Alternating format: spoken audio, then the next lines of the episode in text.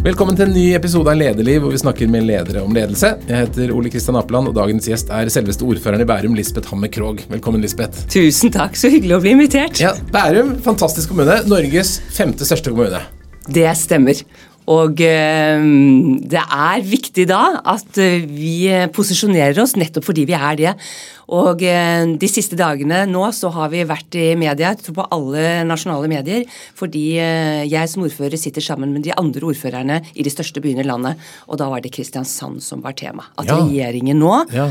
ønsker en folkeavstemning til tross for at man nå har fått fusjonen godt på plass. Dette engasjerer alle, og det er ganske oppsiktsvekkende at alle Arbeiderparti-ordførerne, for det er bare meg som ikke er det, var knalltydelig i sin uttalelse fredag morgen til regjeringen og sa at dette går ikke.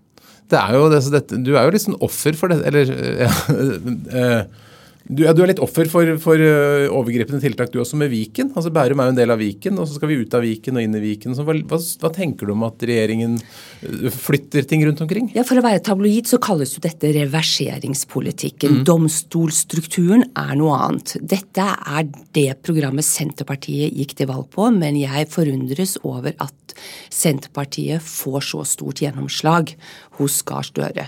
Og jeg må si det at det blir kompetanseflukt av dette. Medarbeidere som nå i årevis har sørget for fusjonering, og så får de vite at nå skal vi tilbake til det gamle. Det henger ikke på greip.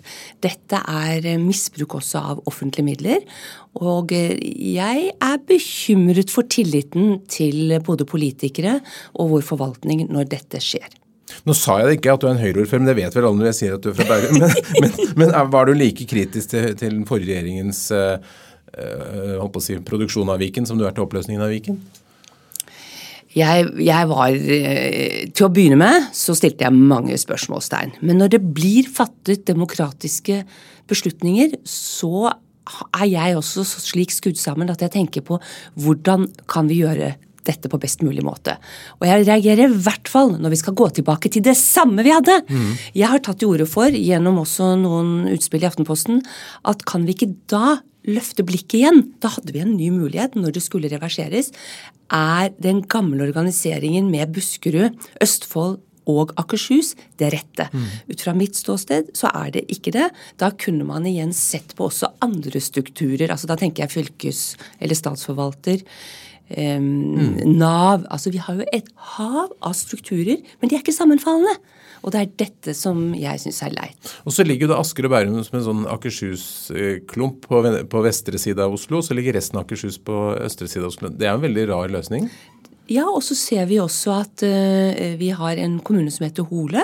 De ønsker seg jo nærmere og mye mer samarbeid med Bærum. Uh, Sollihøgde, det betyr jo både eh, Bærum og Hole. Og um, vi har en Ringeriksbane forhåpentligvis. Vi nå bygges ny E16. Vi kommer nærmere denne regionen. Og da er det jo helt merkverdig at ikke vi kunne tenkt mer samarbeid den veien også.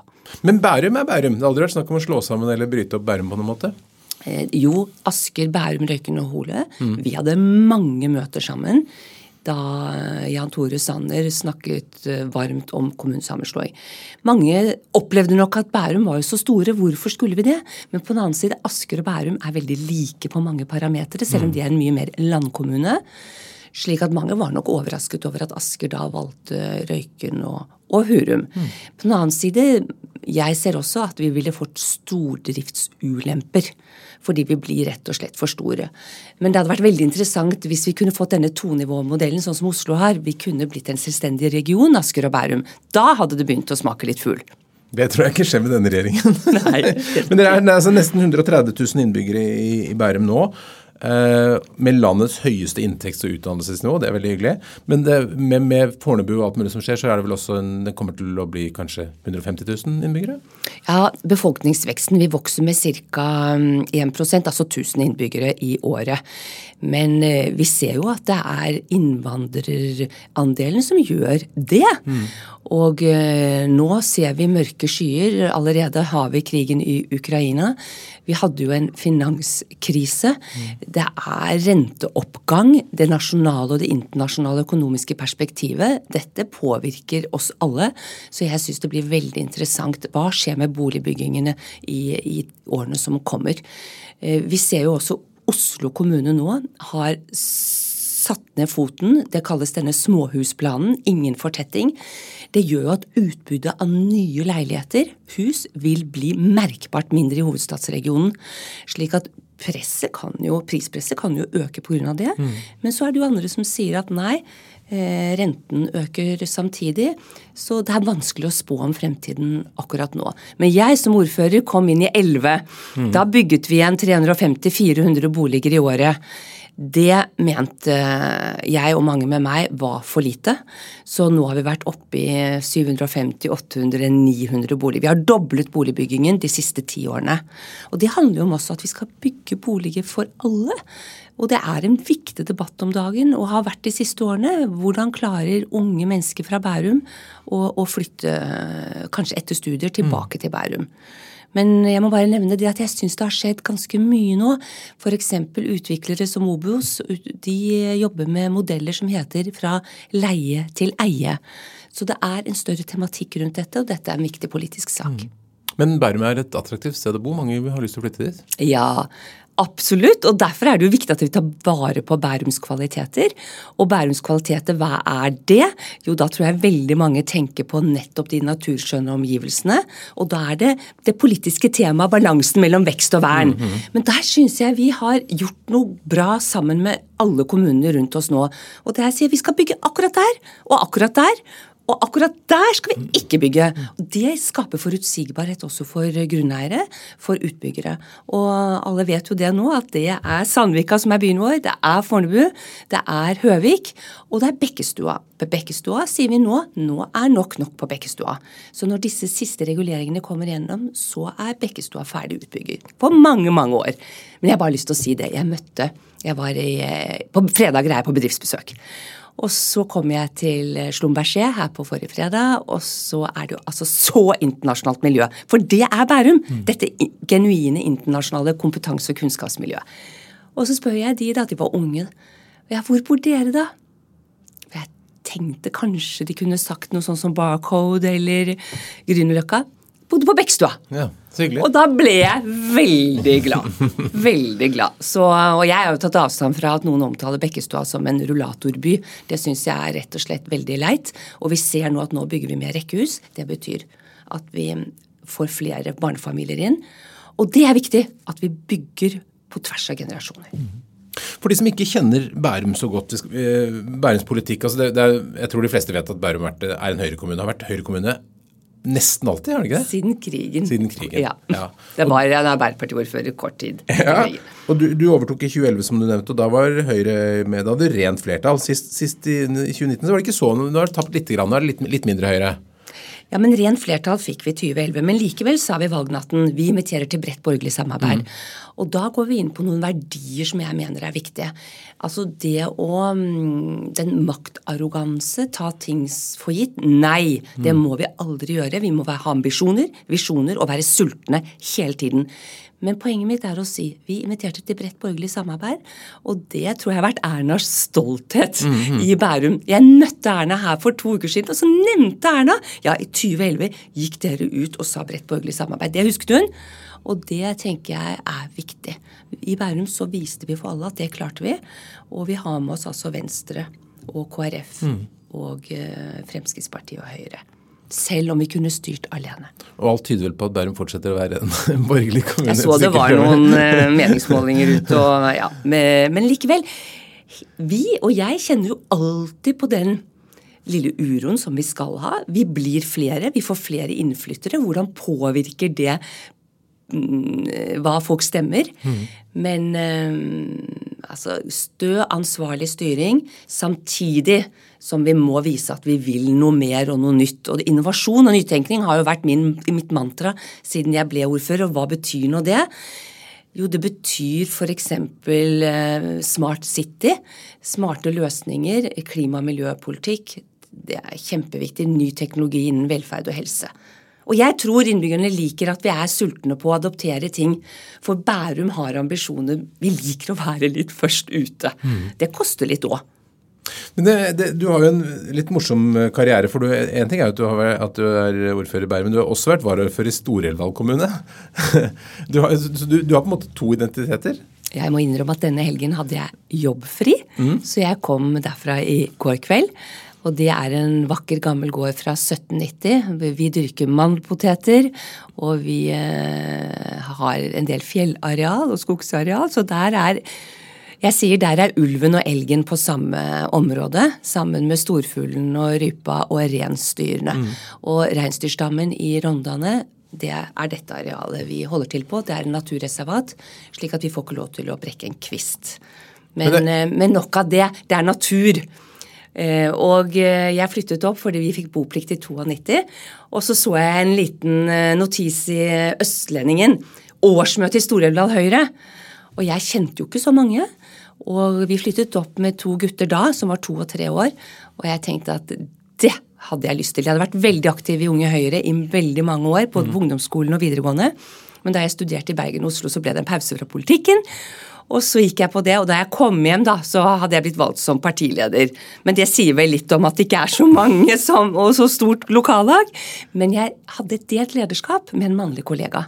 Det var jo egentlig en nyvinning i mm. politikken, mm. og det gikk kjempefint.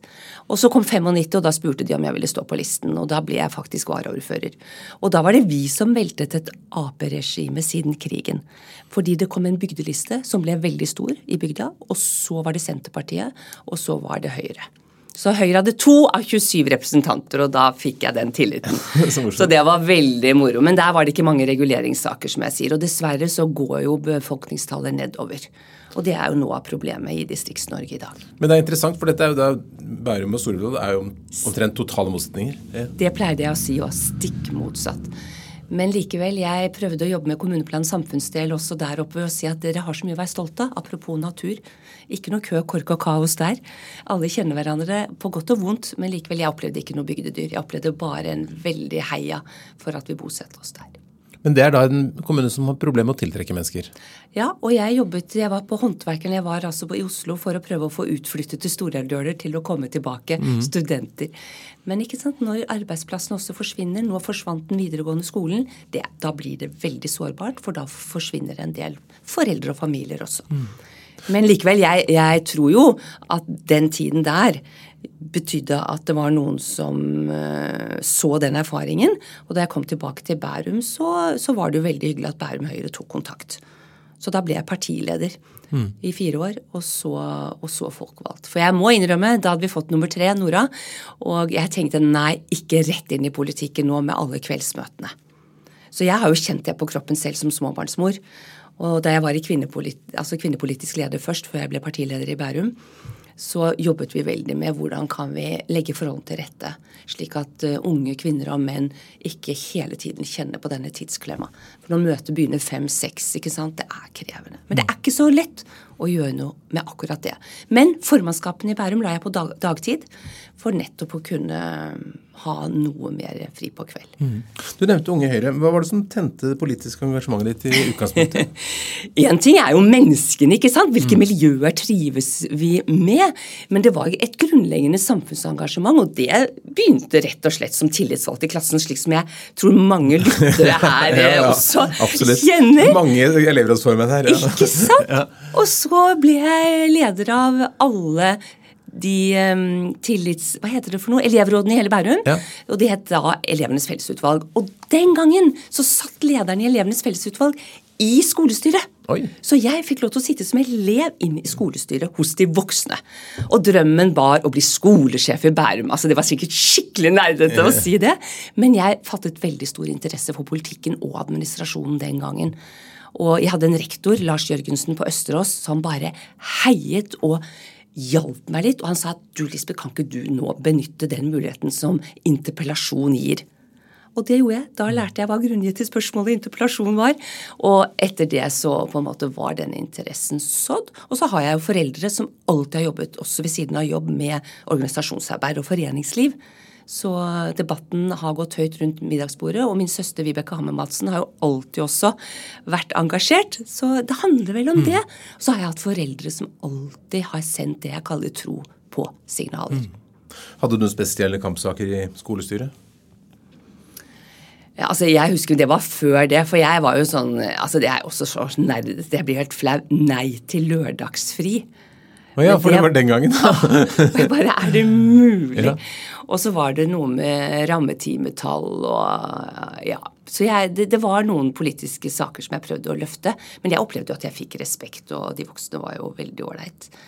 For det var skole på lørdager i Bærum frem til 1973, tror jeg. Ja. Ja. Og dette var, men da var jeg jo ikke satt jeg ikke i skolestyret når jeg løftet den. Det var jo mer enn jeg var med i en debatt. Til, nei, til lørdagsfri. Det, I dag tror jeg kanskje ikke Den hadde vært litt tung i dag, tror jeg. Ah, hjelp, altså. Samfunnet har utviklet Men jeg har lyst til å si det at, altså, når man er med så tidlig i tillitsmannsarbeid, du, du lærer organisasjon. For det er jo også et fag. Og møteledelse. Mhm. Og den biten skal man ikke undervurdere. Da gjør det lettere å, å, å ta på seg verv senere. Men nå er du ordfører, og det er en, det er en heltidsjobb. Hva, kan du ikke si for utenforstående, hva, hva, hva fyller dagen til en ordfører, eller uken til en ordfører? Ja, Den er veldig mangefasettert, og det er jo det som gjør den så utrolig spennende. Så når jeg, jeg, når jeg kommer i rådhuset, hvis jeg er innom rådhuset fra morgenen av, så blir jo dagen egentlig aldri slik jeg hadde planlagt. Og eh, det handler jo mye om media. Eh, Vi har hatt Fornebubanen nå, og da kan jo alle tenke seg at eh, det har betydd mange samtaler på telefon. Men det betyr også at media er på, og det er jo veldig, veldig bra. Vi har en lokalavis som jeg syns fungerer bra. Eh, Det handler jo om tillit begge veier. Og, eh, men altså, media er en aktør. Jeg sitter i KS fylkesstyre. Jeg sitter i KS storbynettverk. Eh, Vi har veldig tett og nært samarbeid også gjennom et formelt råd med Asker. Mm, Vi har mange møter med Viken. Vi skal holde dialoger med våre stortingsrepresentanter. Og så er det alle forberedelser til formannskap og kommunestyre som jeg leder. Og vi har jo formannskapsmøte hvert fall annenhver onsdag. Og da har vi alle formøtene på mandag ettermiddag og utover hele kvelden. Så eh, alle disse arenaene som er faste og institusjonaliserte, tar tid. Og så f.eks. noe så moro som at vi har lyst til å arrangere ishockey-VM. Ja, det betyr mange møter. Det betyr at, vi, at jeg er sammen med Lene i uh, den nye hallen ute på Werner Arena. Mm. Um, slik at de, ja, de løpende sakene tar jo masse tid. Og betyr mange telefoner. Og det er viktig. Og så får jeg jo mange forespørsler om å holde innlegg på konferanser. Og taler og um, foredrag. Og så rundt og klippe litt snorer og sånn. Ja, ja, den borgermesterrollen som mange sier. Men for meg så tar faktisk det å holde innlegg på, på uh, ulike arenaer tar mer tid enn den snorklipperrollen.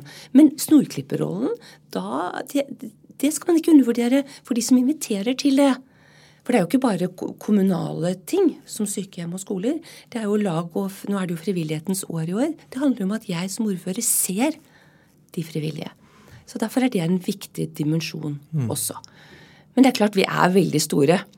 Så jeg, jeg gjør noen vurderinger, men jeg prøver å si ja til veldig mye. Føler du at du kommer deg nok rundt? Jeg har inntrykk av at du er overalt hele tiden. Nei, ja, men jeg er jo sånn som tjenestestedene våre, skoler, barnehaver. Nå var jeg i Lommedalen barnehage, en Canvas-barnehage, i forrige uke, for de hadde en kunstutstilling.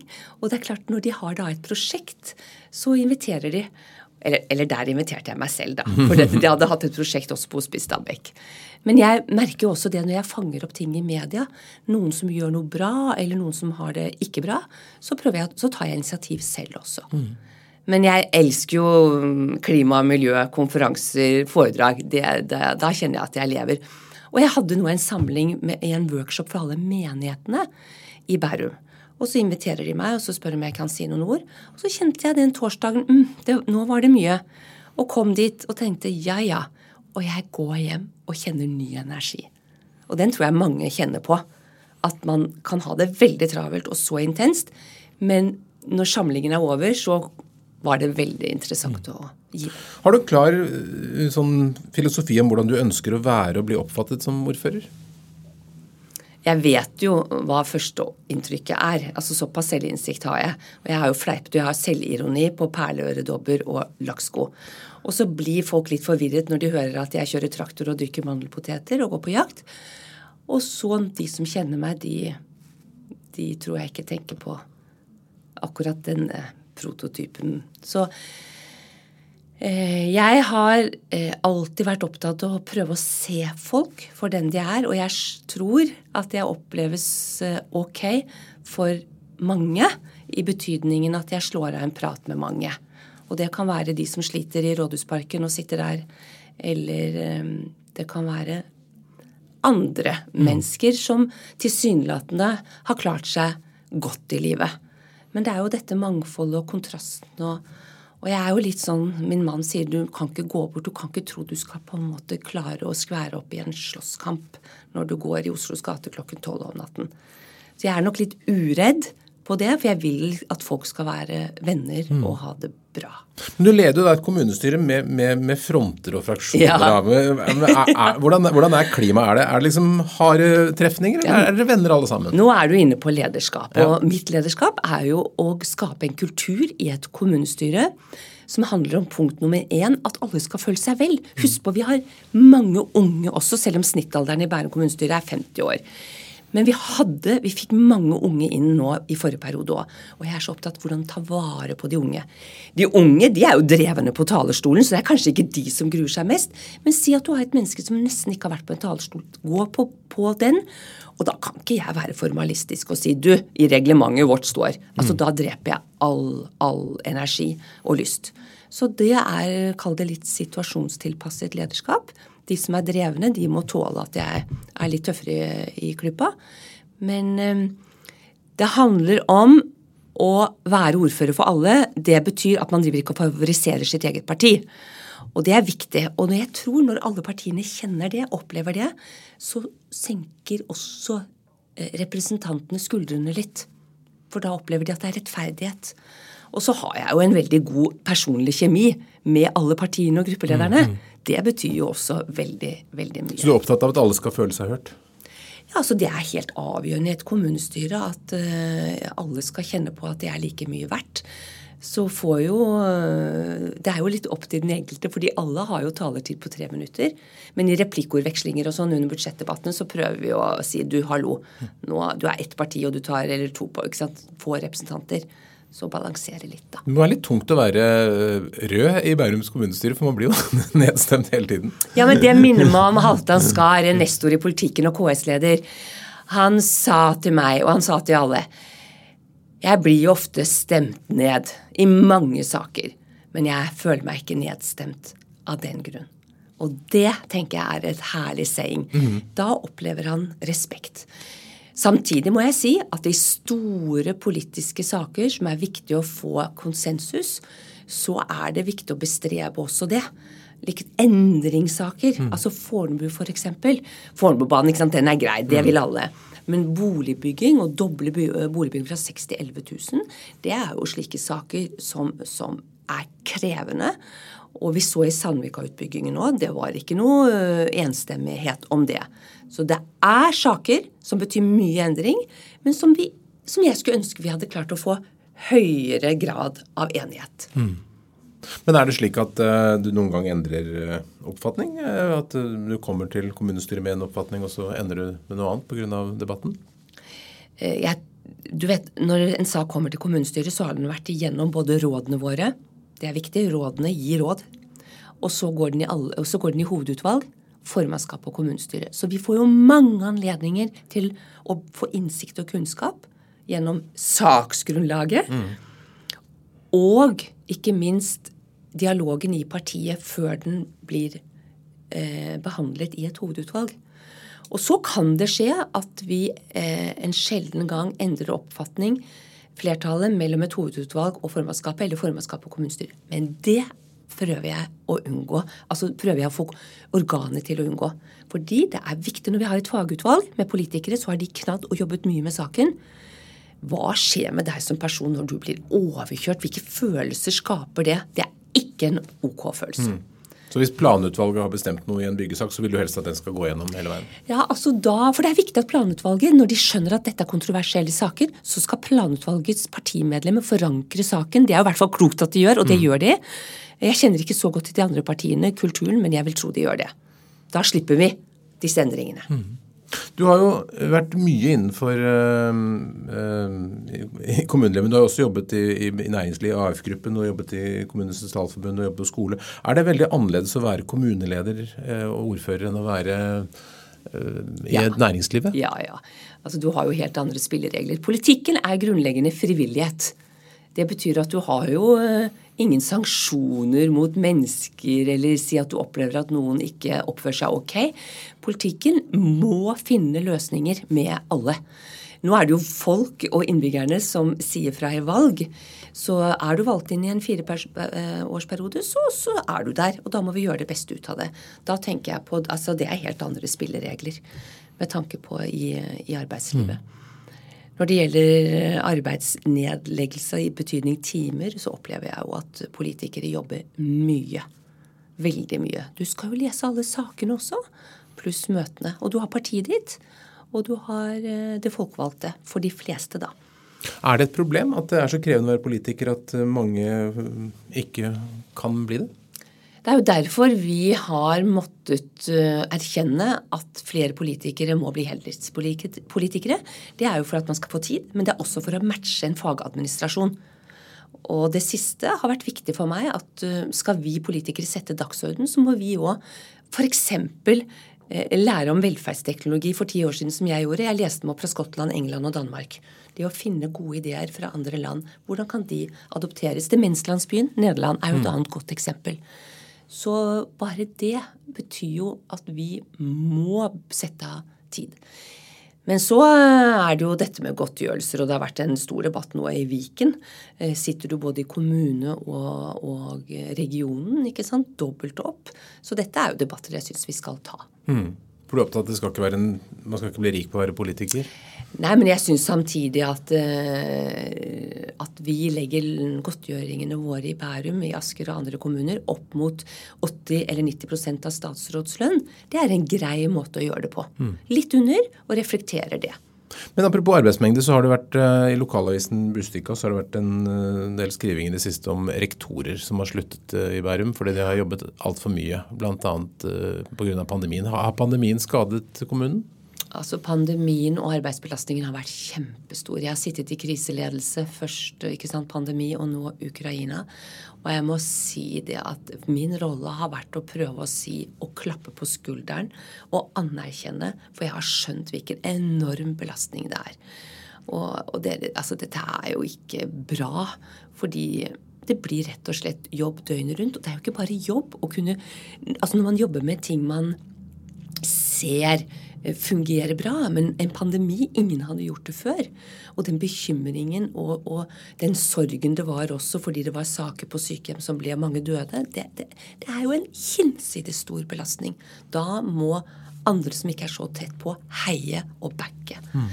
Når det gjelder rektorene, så har jo rektorene vært tydelige på at eh, de hadde avdelingsledere som f.eks. kunne ta seg av økonomibiten. Så skal vi effektivisere. De stillingene ble borte. Og dermed så opplever de at de må gjøre alt selv. Mm. Og det er krevende. Men nå skal vi ha en, det vi kaller i politikken en gjennomgang. Mm. Det betyr jo at vi får en sak og um, får presentert uh, hvorfor er det slik. Og så skal vi gjøre oss opp noen vurderinger. Og så har vi budsjettbehandling om høsten. Vi får alltid budsjettframlegget sånn, sånn i september. Og så banker vi det to uker før jul. Men det at kommunalt ansatte blir slitne, det er jo, eh, tyder jo på at de jobber så mye, selvfølgelig. Men det, har det også noe å gjøre med at innbyggerne er Blir innbyggerne mer og mer krevende? Jeg liker ikke å, å, omtale innbyggere som krevende, men vi har ressurssterke innbyggere i Bærum. Selvfølgelig har vi det, som står på. De kjenner sine rettigheter. Og jeg har alltid vært opptatt av at det handler så ofte om form. For når jeg får henvendelser av mennesker som er dypt fortvilet eller er sinte, så tar jeg det på det største alvor. Og det er så mye lettere i gåseøyne å komme innbyggere i møte når de har en form som er Kall det sympatisk, da. Mm. Men jeg må også ha respekt for at de er så slitne og de er så fortvilet at eh, sinnet og emosjonene tar overhånd. Men, men, det handler jo om hvordan vi møter andre igjen. Og det handler om, om mennesker. Men jeg opplever jo at um, mange kan skrive til meg på en veldig sint måte. Og da ringer jeg istedenfor mm. å skrive tilbake. Da opplever jeg ofte at um, vi får en god dialog. Mm. Så det, det, vet du hva, det har jeg lært veldig mye av opp gjennom livet. Snakk sammen. Møt. Ta et møte istedenfor. Men eh, litt tilbake til pandemien. Hva, hva, tenker du sånn i ettertid? Hva har du lært? Har du lært noe nytt om ledelse gjennom pandemien? Jeg, har jo lært mye på når det gjelder at når vi stenger ned et samfunn, hva skjer med oss mennesker? Vi mennesker er sosiale dyr.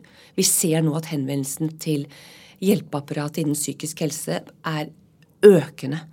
Og eh, det bekymrer meg veldig. Og så har vi lært at det å være åpen om dilemmaer når vi står i kriser, åpen om at dette har vi ikke svar på, åpen om at vi må fortelle mer innbyggerne hvordan vi tenker, da skapes det også en raushet og forståelse tilbake. Og der syns jeg jo Bent Høie var knakende god da han var minister. Mm. Ikke være besserwisser.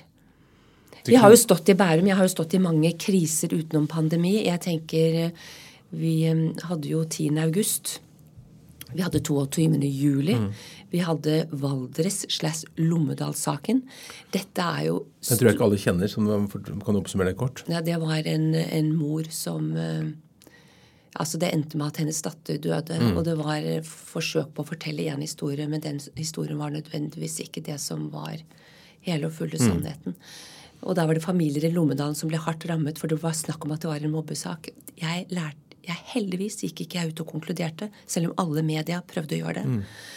Um, men lytte og balansere. Og jeg er en person som sier når det blåser som verst dette må vi sove på. Nå må vi telle til ti. Ikke gå for raskt ut. Og Det er mitt lederskap, og den har jeg kjent mange ganger har vært veldig god å ha med seg. Er det noe du har utviklet over tid? Er du bedre på det enn du var før? Jeg har fått bekreftet at jeg opplever at hadde jeg konkludert i går, så hadde mm. det vært feil. Mm. Og når jeg får den bekreftelsen gang på gang på gang, og det å undre seg litt høyt sammen med andre, la det gå litt tid, det, altså det er mitt mantra. Mm. Det er så viktig. Noen ganger så skal vi også handle raskt. Men jeg opplever faktisk at uh, det jeg kaller vettløs handlekraft, det skaper så mange nye problemer mm. og utfordringer. Bærum er jo en, en, veldig sentral kommune for tiden når det gjelder samferdselseiendom. Du, du, har E18 som det bygges en del på nå. Eh, og så er det en Fornebubane som jo alle har hørt en del om. Og så er det en Ringeriksbane og E16 og det er veldig, veldig mye.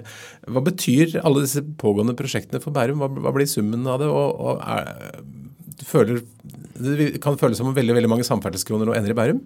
Bærum er under ombygging. Ja. det, det, liker jeg å si, og det ser vi med alle de, de eh, byggeplassene som vi ser. Og det skaper støy, og det skaper støv, og det skaper frustrasjon. Og så har vi dette forslitte uttrykket ja, vi må knekke noen egg for å lage omelett. Ja. Men husk på det at vi har gått til valg på E18 i tunnel, bane til Fornebu, mm. E16. Mm. Den dagen vi gjør opp et politisk regnskap, så har vi lykkes med disse prosjektene. Nå er øh, E18 har vi i hvert fall lykkes med fra Lysaker til Ramstadsletta. Det er ikke bevilget annet enn planleggingsmidler videre. Så jeg føler at jeg fremdeles går og legger meg med E18 hver mm. eneste dag og står opp med E18. Fornebubanen hadde jeg ikke trodd vi skulle ha denne krumspringet. E16 altså Det er helt enormt glede å kjøre oppover til Sollegda. Mange i Bærum har hytte oppover i Hallingdalen og Valdres og se hvilke raske endringer det skjer. Så vi har jo fått disse midlene til oss. Når det gjelder E18 og Oslopakke 3 og alle disse debattene, så må jeg bare få lov til å si det er logisk at man begynner innerst og det er jo å få veien under bakken her i byen vår, mm. i, eller by vår, vår hovedstad, ja. eh, Oslo. Og så bygger man utover. Og da er den kommet nå til Bærum mm. og etter hvert til Sandvika og Asker. Det er, det er, en logisk rekkefølge. Så når Raymond og andre sier at nå blir det for mye penger som går til vest, ja, men da må vi huske på Oslopakke 1, Oslopakke 2. Da må vi kunne historien vår. Og så må vi huske på, nå er jeg på Fornebubanen, at dette gir en kapasitetsøkning også til østlige bydeler. for at den kan gå oftere banen. Men da må vi også bygge en ny Majorstuen stasjon, og det er vi villige til. Og det sa vi ja til, å legge inn mer penger der også. Fordi Bærum ikke, sitter ikke i Oslopakke 3. Vi sitter ikke rundt bordet. Men foregående kommunedirektør og jeg vi virkelig gikk til departementet, og vi slo litt i bordet og sa vi skal være med rundt bordet når vi jobber med byvekstavtalene. Og da ble Nordre Follo og Lillestrøm og Bærum invitert med. Og når jeg snakker om dette, så handler det om hvordan vi rigger oss, hvordan planleggingen går og er. Og jeg må si det jeg tok til orde for nå når Fornebubanen stoppet opp. Den stoppet ikke opp, kontraktene rullet, men um, det ble en ekstra vending. Og da tenkte jeg nei, nå må vi ha en ny debatt. Hvordan planlegger vi? I Norge for de store samferdselsprosjektene med så mange omkamper. Det er ikke bra. Det er ikke forutsigbart. Nei, For Fornebubanen har vært veldig mye att og fram? Hele tiden. Og så har man jo det, jo det, er jo regionen, det er jo Viken, altså tidligere Akershus, som hadde ansvar for kollektiv samme stat. Så Bærum er bare reguleringsmyndighet. Det er veldig frustrerende. Mm. Mange tror jo at det er Bærum som sitter på ansvaret. Nei, det er det ikke.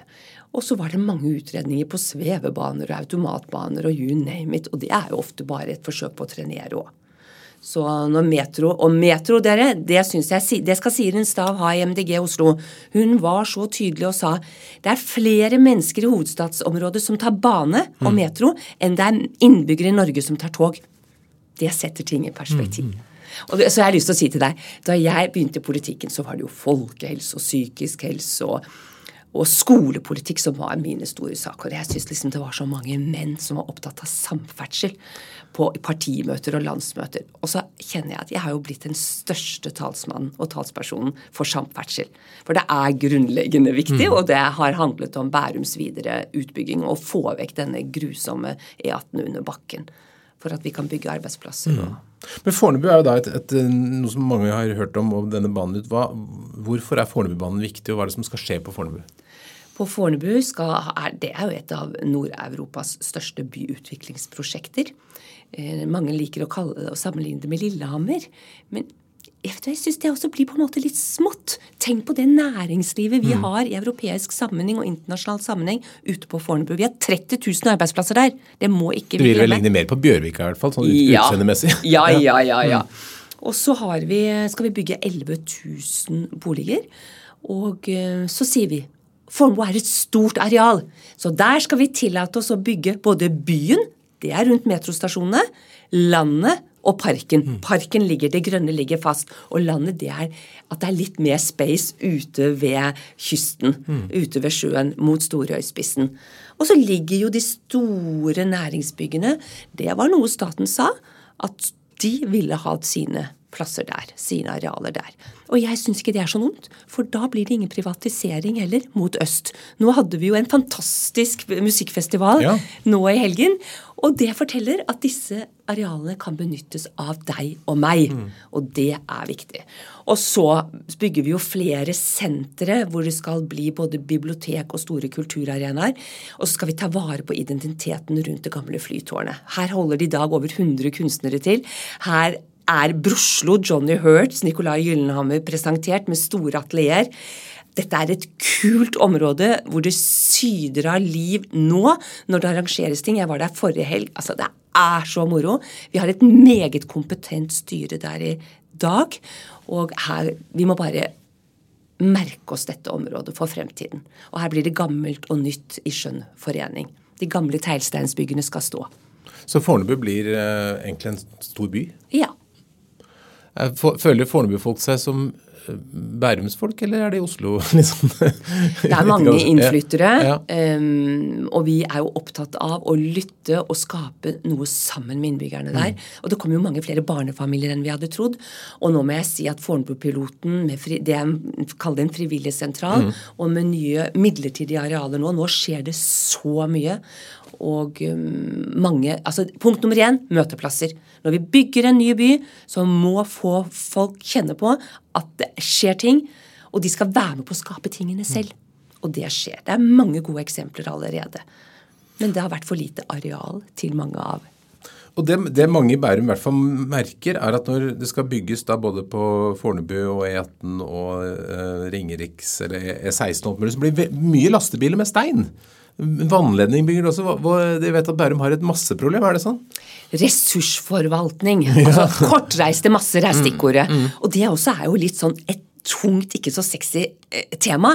Men er det et tema som handler om klima og miljø, så er det nettopp det du sier når du ser de lastebilene som kjører frem og tilbake. Så når vi har bygget eh, Kadettangen 15 mål større, så er det et miljøprosjekt. For det var massene fra E16. Vi vil bygge en halvøy utenfor Fornebu. Og det er jo sånn vi må tenke. Nå vet jeg at Danmark har lyst på våre masser fra Fornebubanen. Tenk om vi kunne da skipe de på sjøen. Og det er sånn vi må tenke. Så nå har vi laget en markedsplass i Bærum hvor man får da innsikt og kunnskap eh, gjennom internett, kall det det, da, hvor alle massene kommer fra, og når det skjer. Og det er et spennende Vi har opprettet et eget aksjeselskap. Det er ikke for å ta business fra entreprenører. Det er bare for å få oversikt og kunnskap, slik at det handler om et prosjekt som eh, vi kaller eh, altså mindre ressursbruk. Og det går på gjenbruk av masser også. Så alle kan kjøpe seg noen tonn med Bærum hvis man vil. Ikke sant. Men du, altså, dette er et veldig interessant. Men det, vi har jo nå eh, fasilitert møter med fire departementer fordi det omhandler mange departementer. Og vi snakker om ett Bærum. Fremtiden er kritisk tverrfaglig og kaller på dypt samarbeid. Når jeg sier at det er fire departementer som har ansvaret for masser, eller kommer inn, så forteller det at staten må også skjønne at de må jobbe på kryss og tvers. Der har de litt igjen, syns jeg, å gå. Men, eh, Fornebu blir jo et fantastisk sted å bo og har jo allerede noen ganske høye boligpriser. og Du nevnte Bekkes og Sandvika, som også er ganske sånn kostbare steder å bo. Eh, Samtidig så har Bærum behov for eh, folk som jobber i hjemmehjelp og sykepleie og lærere, som ikke har sånn forferdelig høye lønninger. Er det en Ja. utfordring å skape holdt på å si, boliger som er innenfor rekkevidde for vanlige kommuneansatte f.eks.? Ja, dette har vi vært inne på. Dette er et viktig tema. Nå i valgkampen kommer det til å bli kjempestort igjen. Det var det jo også i forrige valgkamp. Men der er det så mange elementer. Det ene er jo leiemarkedet. Og så er det noen som sier at ja, men i Norge har vi jo et eiemarked. Kan det bli en fattigdomsfelle? Men vi har en stiftelse utleieboliger for ungdom som eh, skal bygge flere leiligheter, så det er ett virkemiddel. Jeg nevnte leie-til-eie-modeller. Det, det tror jeg veldig på. Og så må vi skille mellom bruktmarkedet og nyboligmarkedet. Det er ingen menneskerett å være 28 år og få lov til å kjøpe en ny bolig. Eh, Jeg har tre barn, og dette snakker vi mye om Ja, det hjemme. Og det er jo bruktboligmarkedet. Og jeg må si, ser du på prisene på Rykken, på Dunshi, på Vøyenenga, Østerås, så skal det være mulig å kunne komme inn på boligmarkedet. Men det er ikke mulig å komme inn på nye boliger på de stedene du nevnte. Samtidig, når vi eh, vedtar reguleringssaker, så sier vi at så og så mange prosent skal være små leiligheter. Skal være små leiligheter. Det er viktig. Men generelt, hvordan er det å tiltrekke medarbeidere? Det er en veldig kamp om hodene. Klarer Bærum å få de folka du skal ha i alle tjenestene? Vet du at Det er en bekymring nå som jeg deler, og mange deler. Eh, Vi ser sykepleiere, mangel på sykepleiere. Det gjelder eh, mangel på eh, leger på legevakten. Fastlegeordninger er under lupen. Kompetanse. Vi blir færre yrkesaktive per pensjonist. Det er vel en setning som alle innledere på enhver konferanse åpner med. Det er vi ganske lei av å høre.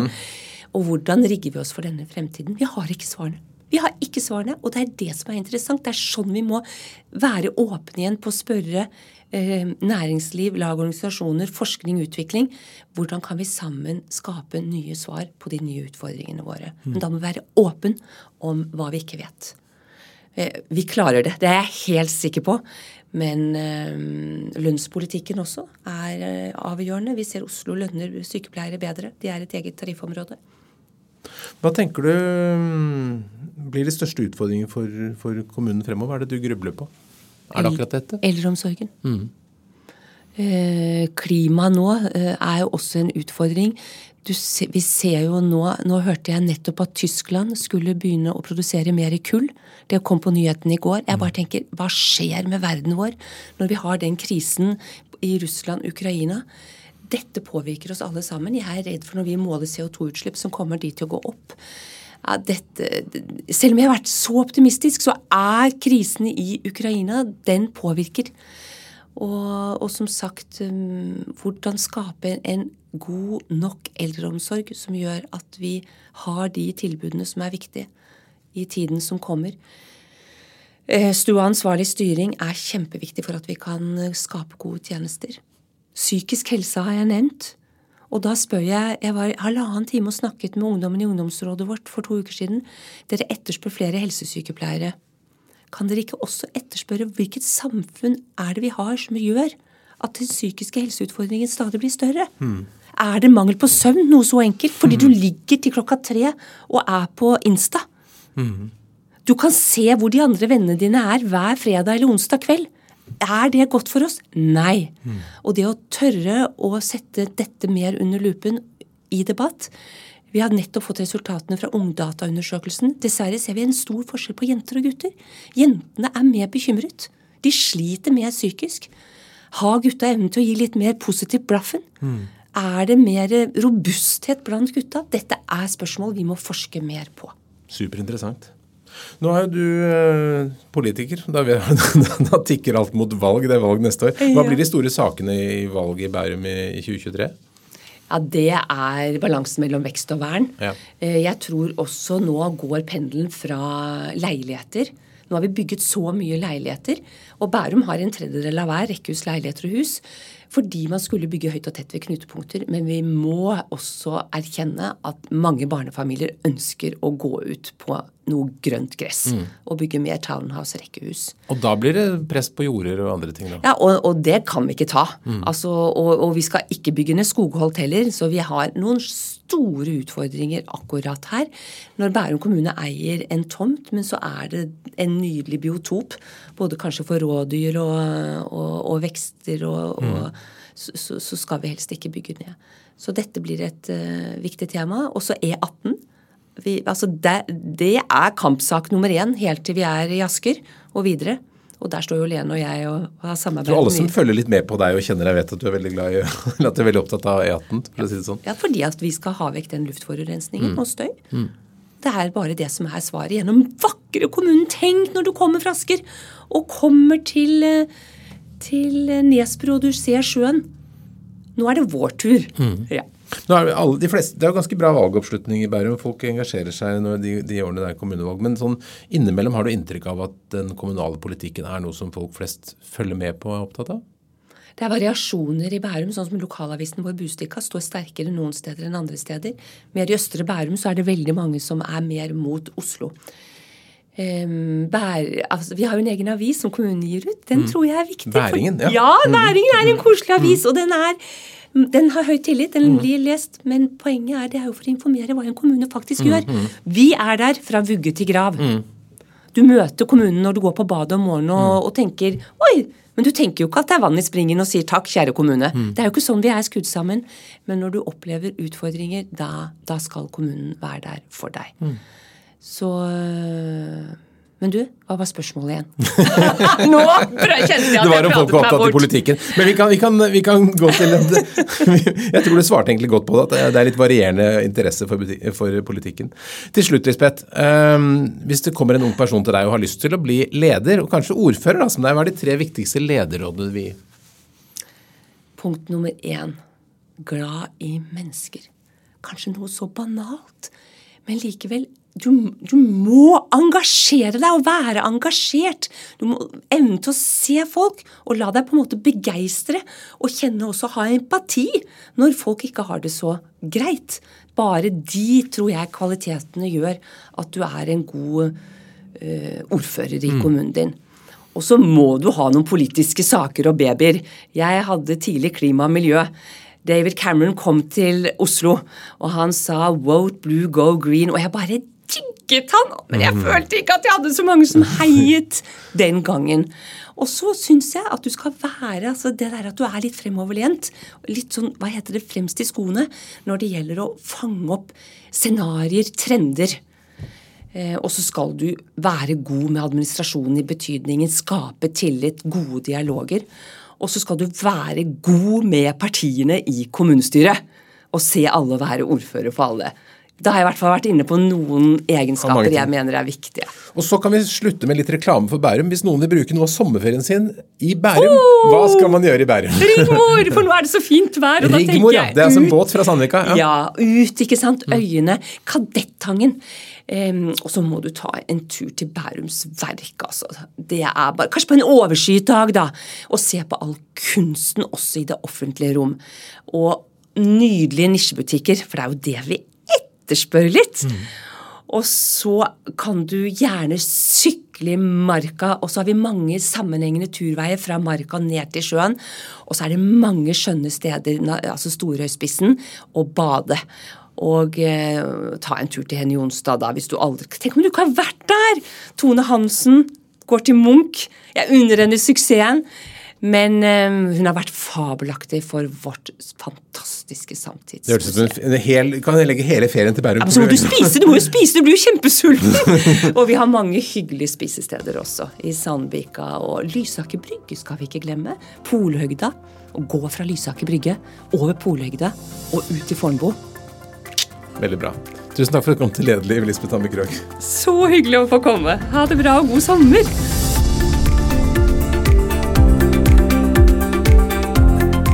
Lederliv er en podkast fra kommunikasjonsbyrået Apeland. Vi legger ut nye episoder hver eneste fredag. Redaksjonen består av Ingrid Hogneland, Lars Volden, Lars Jarli Melum og meg, som heter Ole Kristian Apeland. Tusen takk for hyggelige tilbakemeldinger og tips om ledere. Bare fortsett å sende til oleatapeland.no.